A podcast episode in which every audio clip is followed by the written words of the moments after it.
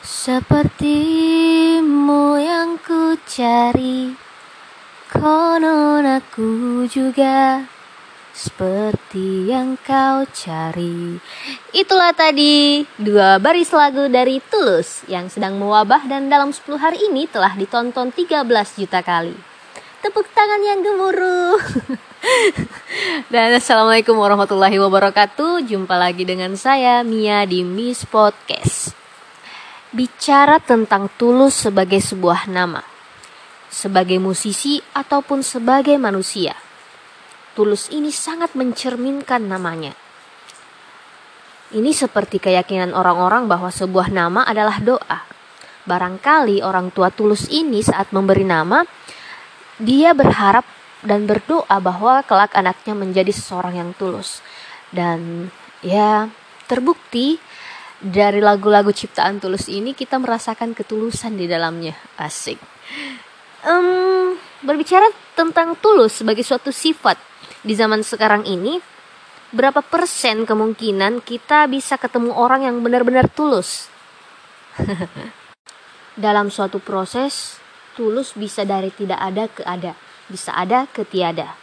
Di awal perjumpaan seseorang mungkin tidak tulus berteman dan lain sebagainya hanya karena suatu keuntungan dari dalam diri kita yang ketika itu uh, ada mereka mencari keuntungan dari kita sehingga mereka mereka mempertimbangkan untuk berteman dengan kita dan akhirnya ketika itu keuntungan itu habis maka barangkali hubungan pertemanan itu habis pula. Namun seiring waktu hubungan yang seperti ini bisa berubah menjadi tulus. Jika dalam prosesnya ia menemukan hal atau alasan mendasar mengapa seseorang tetap akan menjadi temanmu meski dia pernah berbuat salah kepadamu.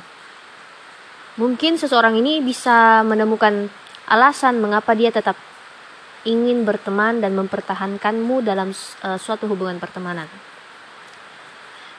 Sedangkan tulus dari yang awalnya tulus menjadi tidak tulus, uh, manusia sering kali menuntut sesamanya untuk uh, konsisten pada suatu sifat. Tanpa menyadari bahwa seseorang itu juga manusia. Di mana manusia itu punya rasa sabar tapi juga memiliki sedikit amarah yang dipelihara di dalam hatinya. Wes dipelihara jadi biasanya kalau hal yang dipelihara itu misalnya hewan ya. Hewan yang dipelihara itu di kandang dibuatkan kandang toh. Uh, nanti suatu hari kandangnya terbuka baru keluar ke, uh, terlihat buasnya. Wow. Um, ketulusan dapat berubah jika ia dituntut ada, diminta ada, dan dipaksa ada.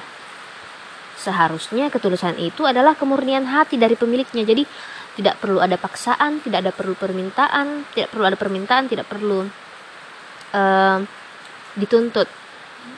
Ketulusan itu akan akan datang dengan sendirinya mungkin itu sedikit cerita tentang Tulus yang saya pahami. Kalian bisa ikut beropini tentang Tulus. Baik itu tulus dengan lagu-lagunya ataupun ketulusan uh, seorang dalam hidup kalian. Dan semoga kalian semua menjadi salah satu dari orang-orang yang tulus. Dan untuk perjalanan hidup kalian hati-hati di jalan seperti kata tulus oke okay. Assalamualaikum warahmatullahi wabarakatuh.